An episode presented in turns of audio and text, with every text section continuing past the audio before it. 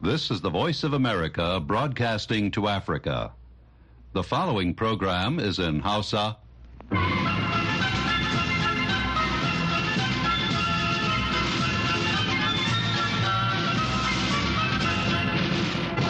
Sashen Hausa na murya Amurka ke magana daga nan birnin Washington DC. Masu sauraro Assalamu alaikum barkanmu da wannan lokaci. Yanzu ma Muhammad Hafiz Baballe ne tare da Mahmud Lalo. Sauran abokan aiki ke farin cikin gabatar muku da wannan shirin na dare. A yau Asabar 27 ga watan Janairu na shekarar 2024. Bayan labaran duniya za mu kawo muku shirin zauren BOA da Madina Dauda ta shirya za ta gabatar. Kamar kowace ranar Asabar, Ibrahim Ka'almasi Garba zai shigo mana da shirin sana amsoshin tambayoyinku. Amma kafin nan sai a gyara zama a sauran labaran duniya daga bakin Mahmud Lalo. Jama'a Assalamu alaikum. Dubban mutane ne suka yi tattaki a birane da garuruwan ƙasar Kenya a yau Asabar don nuna fushinsu kan kisan gilla da aka yi wa wasu mata su sama da dozin ɗaya. zanga-zanga ita ce mafi girma da aka taba gudanarwa a ƙasar kan abin da ya shafi cin zarafin mata ta hanyar lalata ko ta hanyar musgunawa a nairobi babban birnin ƙasar masu zanga-zangar sun saka riguna da aka rubuta sunan wasu mata goma sha huɗu waɗanda aka yi wa kisan gilla a wannan wata wani rahoto da masu gudanar da bincike suka fitar a wannan makon ya nuna cewa akalla mata 500 aka kashe a yanayi na cin zarafi a kenya a tsakanin watan janairun shekarar 2016 zuwa watan disambar bara. Hukumar ba da agaji ta majalisar ɗinkin duniya da ke taimakawa 'yan gudun hijiran falasɗinawa ta unrwa ta sallami ma'aikatanta da dama bayan da isra'ila ta mika mata wasu bayanai da suka nuna suna da hannu a harin da hamas ta kai a isra'ila a ranar 7 ga watan oktoba. Hukumar ta unrwa na da ma'aikata 13,000 falasɗinawa a yankin zirin gaza. An kashe akalla 150 tun barkewa wannan rikici a watan oktoba bayan harin da hamas ta kai a isra'ila da ya halaka mutum 1,200 lazarani da ke magana da yawun sakatare janar na majalisar ɗinkin duniya antonio guterres ya ce ya sanar da guterres wannan batu wanda ya kwatanta a matsayin babban zargi. A halin da ake ciki kuma ma'aikatar lafiya a yankin gaza a yau asabar ta ce an kashe falastinawa 174 sannan an jikkata wasu 110 cikin sawo'i 24 da suka gabata. Hakan ya sa jimillar waɗanda suka rasa rayukansu ya kai akalla 26,257 tun da aka fara wannan rikici da ya barke a ranar 7 ga watan oktoba. A cewar ma'aikatar wacce har ila yau ta ce mutum 64,797 sun jikkata. Sakatare janar na ƙungiyar neman 'yancin falastinawa hussein ashek ya yi kira cikin wata sanarwa ga ƙasashen da suka dakatar da kuɗaɗen tallafin da suke ba hukumar agaji ta majalisar ɗinkin duniya na falastinawa a ranar juma'a fada white house ta nuna cewa ana samun haske a tattaunawa da ake yi wajen ganin an sako ragowar mutanen da hamas ke riƙe da su a gaza. Kakakin majalisar tsaron amurka john kirby ke ne ke cewa shugaba biden na iya bakin kokarinsa wajen ganin an saki mutanen sun koma gida. Wannan shine abin da ya fi mai da hankali a kai a yanzu. Ma'aikatar tsaron birtaniya ta faɗa a yau asabar cikin bayanan sirrin da suke fitarwa cewa rasha ta ƙwace wasu ƙauyukan ukraine biyu a wannan watan. Ɗaya daga cikin ƙauyukan mai suna vezel na kusa da garin bakhmut wanda ke da mazauna 102 sai kuma ƙauyen karokman da ke kusa da kharkiv mai mazauna 45 ma'aikatar ta birtaniya ta ce ci gaba da karɓar ikon ƙauyuka da rasha ke yi a ukraine. Alama ce da ke nuna cewa ta himmatu wajen ƙara ƙarfin ikonta yayin da ita kuma ukraine ta fi mai da hankali wajen ganin ta kare kanta. Sai dai rahoton ma'aikatar tsaron ta burtaniya bai wani ƙarin haske ba a ƙoƙarin da rasha ke yi na karɓe ikon garin advik. Labaran na zuwa muku ne daga nan sashen hausa na muryar amurka a birnin washington dc jama'a ƙasar haiti na zama cikin yanayi na zillimi bayan da wata kotun kenya ta hana tura 'yan sandan majalisar ɗinkin duniya ƙasar don yaƙar ƙungiyoyin 'yan daba da suka addabi ƙasar wacce ke yankin karibiya hakan ya sa jama'a ke zaune cikin yanayi na rashin tabbas da fargaba tun bayan da hukuncin da kotun ta sanar a ranar juma'a yayin da rikicin ƙungiyoyin 'yan dabar ya kai wani mataki na karɓe ikon babban birnin ƙasar. Wannan murya wani mazaunin port-au-prince kenan babban birnin ƙasar ta haiti yake korafi kan yadda ƙungiyoyin 'yan daba suke kuntatawa rayuwarsu. Yana mai cewa sai su kwashe kwana huɗu a jere suna kai hare-hare. Shugaban kenya william ruto ya ce zai ɗaukaka ƙara kan hukuncin kotun yayin da babu tabbas ko sauran ƙasashen da suka alkawari za su tura nasu dakarun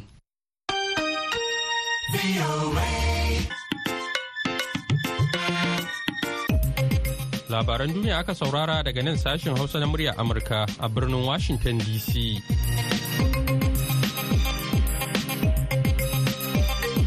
yanzu kuma bari mu koma gefe guda madina dauda ta gabatar mana da shirin zauren boa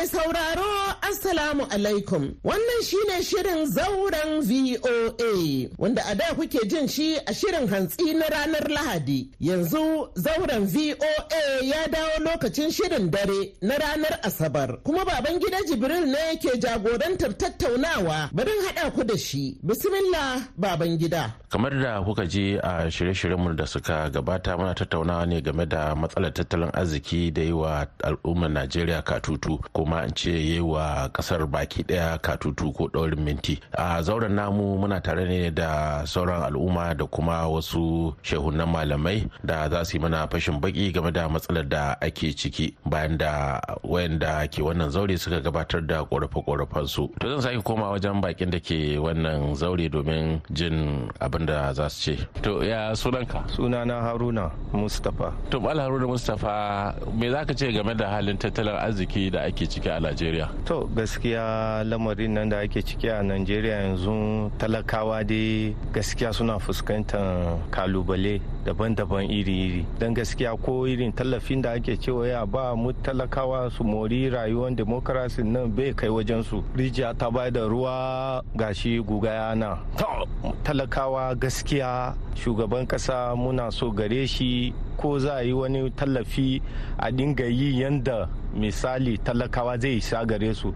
Wayannan da ake ba sako a ba su gaskiya su ma suna kauda abun ne a jihunsu ne suka sani ba ta talaka suke yi ba su karan kansu ne da yaransu. Don gaskiya talakawa sun shiga wani hali a najeriya tsakani da allah. Komi ba su ci moriyan shi ba na demokaradiyya. Amma kuma lokacin siyasa ne da su kuma ake amfani suke zuwa wajen kuma sun je wajen sai su yi wace da talakoki. Gaskiya wannan abu tsakani da allah manyan mu ku ji tsoron Allah ku gyara. To kawo yanzu ita wannan gwamnati ta bayyana cewa tana ɗaukar wasu matakai na inganta jin daɗin talaka.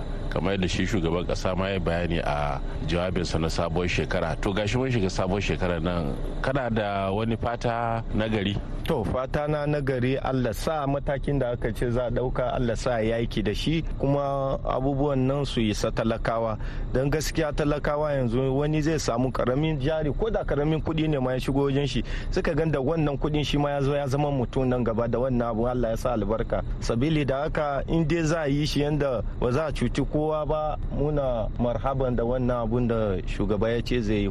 To mun ji ta bakin malam haruna mustapha to bari mu juya za a gabatar da sunanka? Sunana baba sani. To baba sani ka ji halin da ake ciki dai ba sai an gaya maka ba kai ma dan najeriya ne kuma kamar da wani tsohon shugaban kasa ke bayani jiki magayi. Me za ka ce game da halin da ake ciki na tattalin arziki a najeriya yanzu? Alhamdulillahi wannan tambaya da kai haka yake. Wato abin da zan ce kasan nan tamu najeriya wannan shugaba daga farko ba ma na labarin da na sabon shekara ba. Farkon zuwansa kuzarinsu da abubuwan da suke faɗa da halamar da gaske ne. Kuma gashi a kwanan nan maganan dakatar da ministoci to kaga kamar da halama ya fi gwamnatin da ta gabata. Kaga dai duka ita ce amma kaga yanayin da muke halamar gani za su yi ƙoƙari ƙwarai da gaske. Amma abin da zan kira mu talakoki muna cikin matsatsi. Domin farko da ya ci da tallafi ya ce ya san wahalar suke ciki. Amma an yi da halamar ya sani kuwa yanzu kaga yanda talaka yake ciki. Talaka baka isa ka je zumunci ba. In ba dalilin wayoyin nan ba da ma ka iya zumunci tsada komai tsada abinci kullum abinci hawa hawa ke tun daga ƙasa ƙasa dawa naira ɗari shinkafa naira ɗari biyu da hamsin yau ya shinkafa ta dubu ɗaya. Kaga akwai aiki babba gare mu. Abinda za mu ce musu su riƙa tuna da talaka da idan sun ba da taimako baya zuwa wurin talaka. Kar ma su riƙa ba da wannan tallafi na wanda ake ce a taimaka talaka. Ba zai zo isa wurin talaka ba. Ko halama ma. Wato idan na fahimce ka ƙarin farashin man fetur na shi ya ƙara sa talaka cikin wani hali na kakanika. Yawa duka duk komai ma abin da ya zama sa talaka cikin kakanika ya tallafin fetur da aka cire kuma maganan tsaro. In ka cire in daga wannan abubuwa guda biyu kawai ba za ka kara cewa koyin ba. Shine kawo matsatsin rashin tattalin arzikin Najeriya baki ɗaya yanzu. To ya batun noma da kiwo fa? Gashi dai na san kai ba filatin ya wataƙila ba ka rasa hannu a ɓangaren kiwo ba. Me ake ciki? Insha Allah haka yake. To ai rashin tsaron shine matsalan. Da bursalan da duk da komai da ake magana yanzu fulanin da manoman baki ɗaya hankalinsu ba kwance yake ba saboda babu tsaro. Bayan fada da suke da manoma gwamnati ta yi tsayin shugaban kasa da gwamnatin tarayya da gwamnoni su yi ƙoƙarin fidda bursula kuma su jaddada tsaro. Tsaron nan shine kan gaba kuma tallafin mai da aka cire tsada. Akwai tsada. Talaka ba zai iya wani abubuwan ba. Talaka sun shiga wani hali na kakani kayi. To kana ganin idan aka tabbatar da tsaron nan za a samu bunƙasar tattalin arzikin nan da ke duk tsadan nan da muka ciki wannan ba na ce maganar tattalin mai ba. In aka ce akwai tsaro mutane za su fi kiwo inda su ga dama. Za ka ta kai noma akwai filin noma. A insha Allah duk da tsadan nan za a insha Allah za a zauna lafiya. Amma rashin zaman lafiya duk shi komai matsala a ƙasar mu. To gashi shugaban kasan ya fara ɗaukan mataki na ladabtarwa akan wasu jami'an gwamnatin na da da kuma hamma na yanzu. Ya kuka je da wannan mataki? Wallahi mun yi marhaba mun yi marhaba da wannan lamari nasa. Muna masa godiya muna kara masa addu'a. A kullum muka sallolin mu kamsu salawati. Don yana da gaske yake Allah ban taimake shi. Insha Allah masu ɓoye kuɗin kasa zai maganin su. Ba kamar gwamnatin ta gabata ba. Kuma tsaron ma insha Allah in dai an goya masa baya zai iya bakin daidai bakin gwargwadon shi insha Allah muna masa fatan alheri. To dokta kadeji koke-koken jama'a game da batun matsalar tattalin arziki. To me zaka ce a ɓangaren ku tunda ku ne masana tattalin arziki game da wannan hali da tattalin arzikin Najeriya ya shiga? To sunana dr abdulrazak ibrahim fage.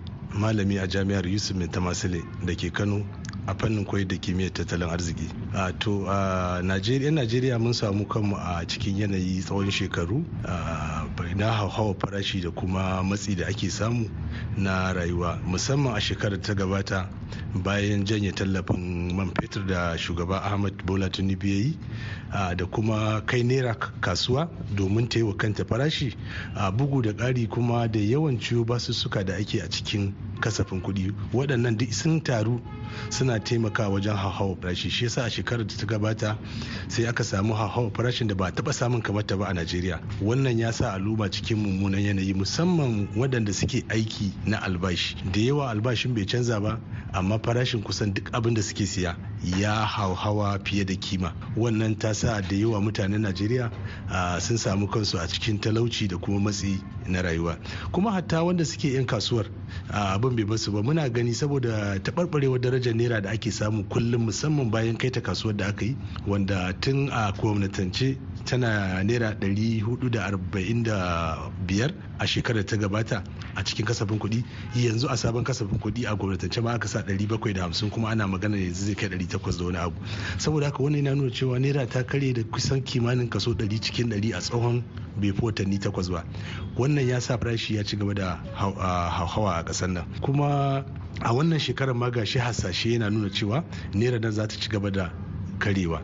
Kuma mu sani cewa karewa naira nan yana da fuska biyu. Akwai karewa farashin naira wanda gwamnati take buga ƙirji ta yi. Akwai kuma faduwar farashin naira da take faɗuwa a kasuwa saboda mai babu buƙatar ta a kasuwar an fi buƙatar kuɗaɗen ƙasashen waje.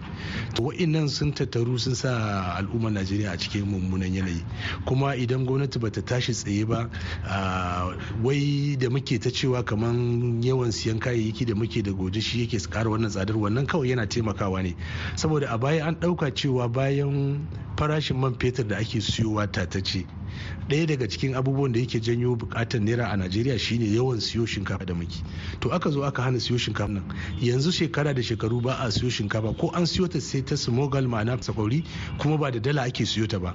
To ya kamata a ce buƙatar da muke da ita ta dala nan ta ragu idan wannan ne yake janyo amma ba ta ragu ba. Saboda haka matsalar mu shine da yawa 'yan najeriya yanzu sun dawo a dala suke ajiye su da iya masu kuɗi ne da muka sani da kuma manyan 'yan kasuwa da ma'aikatan gwamnati gudun ko idan sun ajiye kuɗi a asusun banki za a ga cewa kaman ko sun yi wani almundahana. Wannan take sa ba sa kai kuɗi banki sai su canji daloli sai su kai kuɗi su ajiye. To masu sauraro a madadin lokacin wayanda suka taimaka wajen gabatar da wannan shiri na ku babin gida jibirin daga nan birnin lagos ke cewa a huta lafiya. Madalla! A madadin solomon abo wanda ya daidaita sautin shirin madina dauda ce ke cewa ku kasance tare da mu ranar asabar a shirinmu na dare domin ci gaban zauren voa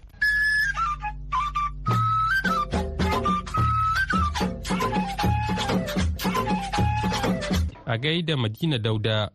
Wannan shirin na zuwa muku ne daga nan birnin Washington DC. Ga masu sauraron mu a jamhuriyar Nijar za ku iya sauraron mu a tashar mu ta BOA Africa a kan mita 102.5 zangon FM. Za a iya samun mu ta yanar gizo ta adireshin mu boahausa.com ko kuma shafukan mu na kafofin sada zumunta na Facebook da X da kuma Instagram. Yanzu kuma sai shirinmu na gaba.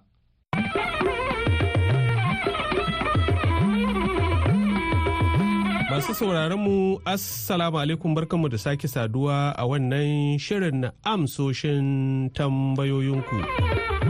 Yau za a ji kashi na ɗaya na ansar tambayar masu sauraron mu da dama da suka hada da Adamu Aliyu Ungulde da Buhari Haya Unguru da Adamu Habu Umar Iyanga taura jihar Jigawa masu son sanin tarihin azbinawa ko auzinawa na jamhuriyar Nijar musamman ma ko suna da alaka da wata kabila ko kuma wata ƙasar. To idan masu tambayar na saurare ga ansar ku da wakilinmu a yamai Sulaiman Barma ya samo daga masanin tarihi Profesa Jibu Hammani da ke jami'ar Abdulmumuni Diyofo ta yamai jamhuriyar Nijar wanda ya ce. Bismillahirrahmanirrahim. A tarihin Abzinawa shi kamata a hango kamin a kai tarihin Abzan Nijar.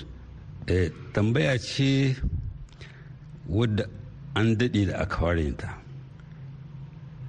Yau da shekara kamar dubu da dari biyu. Akwai wani mutumin iran ne yanzu sai a ce iran don saboda a lokacin da ba a bambanta musulmi musulmi shi kenan ne ba ba a ce kai na ƙasa kaza ka. Ana mishi shakwar zadbe. Tarihin masalik wa malik ya yi wannan zancen. Cikin wannan karni kuma akwai wani da aka ce ma Ali Yaqubi. Cikin littafan shi biyu a tarih da kitabul buldan shi ma ya yi wannan zancen karni na tara. Shi ne kili na farko da ya fara da ambatar ƙasashe abin nan dauloli cikin ƙasar nijar ta yanzu. Kenan da shekara dubu da biyu. An yi wannan tambaya don me? Saboda daga rif ta wajen tanje maroc har zuwa mauritani daga nan har zuwa iyaka da masar mutane sun kamar akwai dangantaka tsakanin duk al'ummomin nan da ke wannan yanki. To ka gani sun yi mamaki su ce wannan daga ina suka fito? Shi ne ita ce tambaya sa'anan daga baya wanda ya yi nazari a kan wannan ƙarni na goma sha huɗu ana ce mishi ibn khaldun. Shi ma yana da muhimmanci ƙwarai shi balarabe ne yana da muhimmanci ƙwarai ga tarihin niger muna aiki da shi. To don me daga ina suka fito? Sun fito. To wannan kuma tambaya irin wadda ake kamar hausawa ne sai da gina suka fito. To wannan tambaya a kimiyyance bai kamata ma a yi ta ba. Ana iya a tambayi daga ina harshen fito. Amma kabila kamar yanzu faransawa faransawa faransanci suka yi ko? To amma ai ba kabila guda ce ba. Harshen nan ya hada su.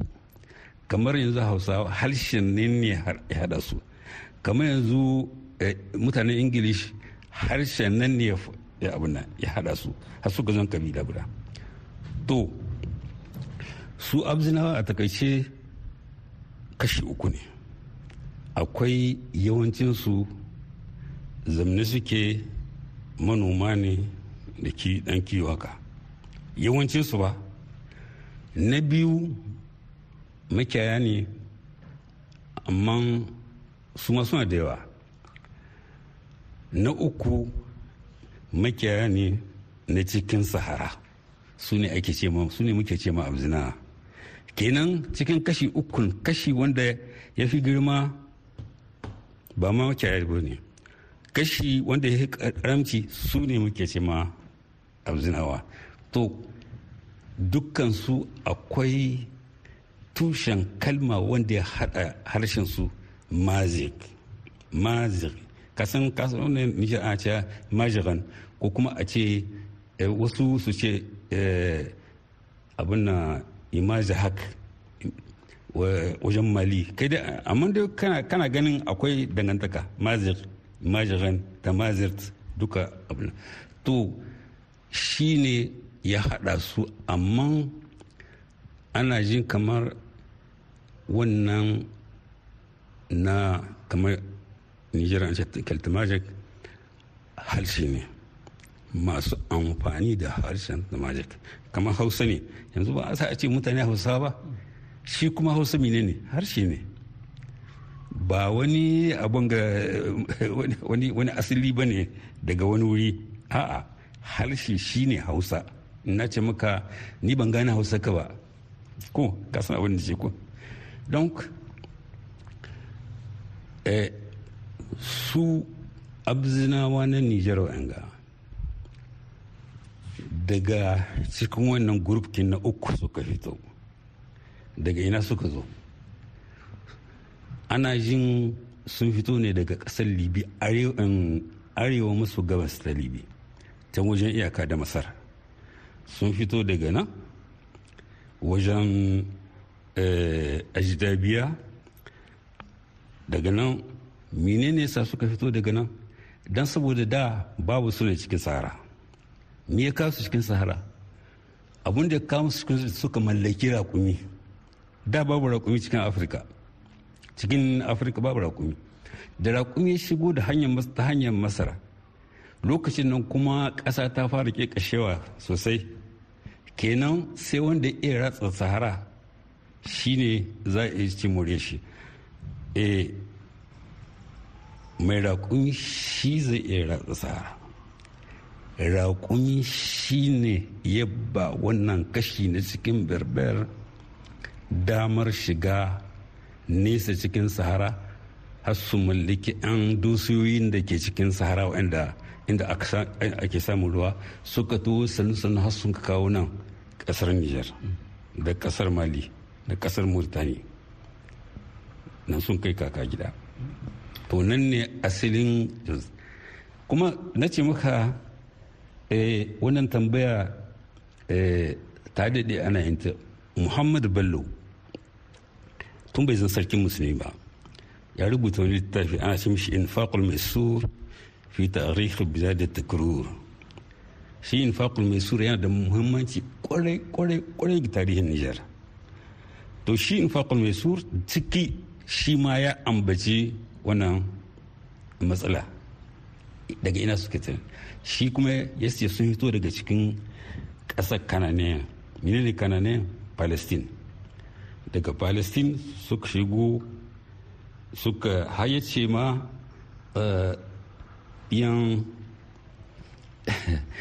su abzinawa yan aljannu ne. Aljannu ne suka yi su. Da da mutane da aljannu suka yadu yana musu zolaya ne kenan? A ba zolaya fa ce. Akwai shi cike akwai ga mutane da yawa. Wata rana mai cikin bincike bincike na tambayi wani ce mishi kai mi ka gani abin nan abin a kade sai sai ya ce min wani bujajar ce ya ce min ka taba ganin abzina yana faɗa na ce ya ce to da kaga suna faɗa ka san ba mutane ba ne aljanu ne. Kenan abu ne da yawa tsoya mutane da yawa abuna kiri suna faɗin haka nan. Amma gaskiya dai gaskiya dai abin da ya ba mutane mamaki da da yake harshen kasan duk larabawan da kake gani larabawan algeria larabawan mauritani larabawan tunisia larabawan maroc larabawan libya. Dukkan su berber ne. Dukkan su asalinsu daga nan ne suka hito daga baya ne da musulunci ya shigo. Da su musulunci ya shigo sannu-sannu har suka batar da harshen su suka ɗauki larabci. Yanzu ana kiran su larabawa. Kuma ba nan ne ba kawai. Ai mutanen masar su ma haka ne. Ai da suna da harshen su daban. Suka harshen su ya bace yanzu suka zama larabawa. Mutanen palestine ai abin kananen ne da finiqiyin da filistin su ne kaga yanzu sun zama laraba mutanen siri yanzu sun zama laraba da da abun gani akwai arameyan cikinsu akwai assyrian akwai akkadiyan akwai sumerian dukkan su kabilu ne. To harshe ya bace sai kaɗan kaɗan kake samu lokaci zuwa lokaci ko can cikin wani lugu haka na ƙasar su mutanen iraq kazalika duk wa'annan larabawa da abun da ya faru ga larabawa da abun da ya faru da keltimajik shi ne ya faru ga duk kabila ko ce ce cikin duniya inda tana da yawa to kada ka nemi asali guda. Professor a nan ana iya cewa akwai wata dangantaka ta jini tsakanin abzinawa da larabawa? Babu. Babu dangantaka ta jini tsakanin abzinawa da larabawa babu. Amma masu binciken harsuna sun ce akwai wata wani kamar iyali ko me ake zan sha abin ga sai ake da turanci fami ake cewa linguistic. Wato da harshen larabci da harshen masar na da da harshen berber da harshen hausa an yi wani lokaci inda tushen su ɗaya ne. Gani? Tushen su ɗaya ne. Harshen hausa da na tsohon masar da na berber ana ce mishi da na larabci ana ce mishi gani ko mene zamance da fami afro-asiatic. In ka yi bincike ko sosai sai ka gani lalle akwai iyaka. Babu wata iyaka tsakanin harshen hausa da harshen berber da buzanci da harshen masar ta da. To sai a kasance da mu makon gobe don jin kashi na biyu na ansar tambaya kan tarihin azbinawan jamhuriyar Nijar da kuma ansar wata tambayar yanzu dai a madadin Profesa Jibu Hammani da wakilinmu Sule Barma duk a jamhuriyar Nijar da wanda ya haɗa mana sautin da injiniyanmu ni Ibrahim Kalmasi Garba ke cewa sai makon gobe. A gaida Ibrahim Garba yanzu kuma ga labarai a taƙaice. Dubban mutane ne suka yi tattaki a birane da garuruwan ƙasar kenya a yau asabar don nuna fushinsu kan kisan gilla da aka yi wa wasu mata su sama da dozin ɗaya. Zanga-zanga ita ce mafi girma da aka taɓa gudanarwa a ƙasar kan abin da ya shafi cin zarafin mata ta hanyar lalata ko ta hanyar musgunawa. A nairobi babban birnin ƙasar masu zanga-zangar sun saka riguna da aka rubuta sunan wasu mata goma sha huɗu waɗanda aka yi wa kisan gilla a wannan wata.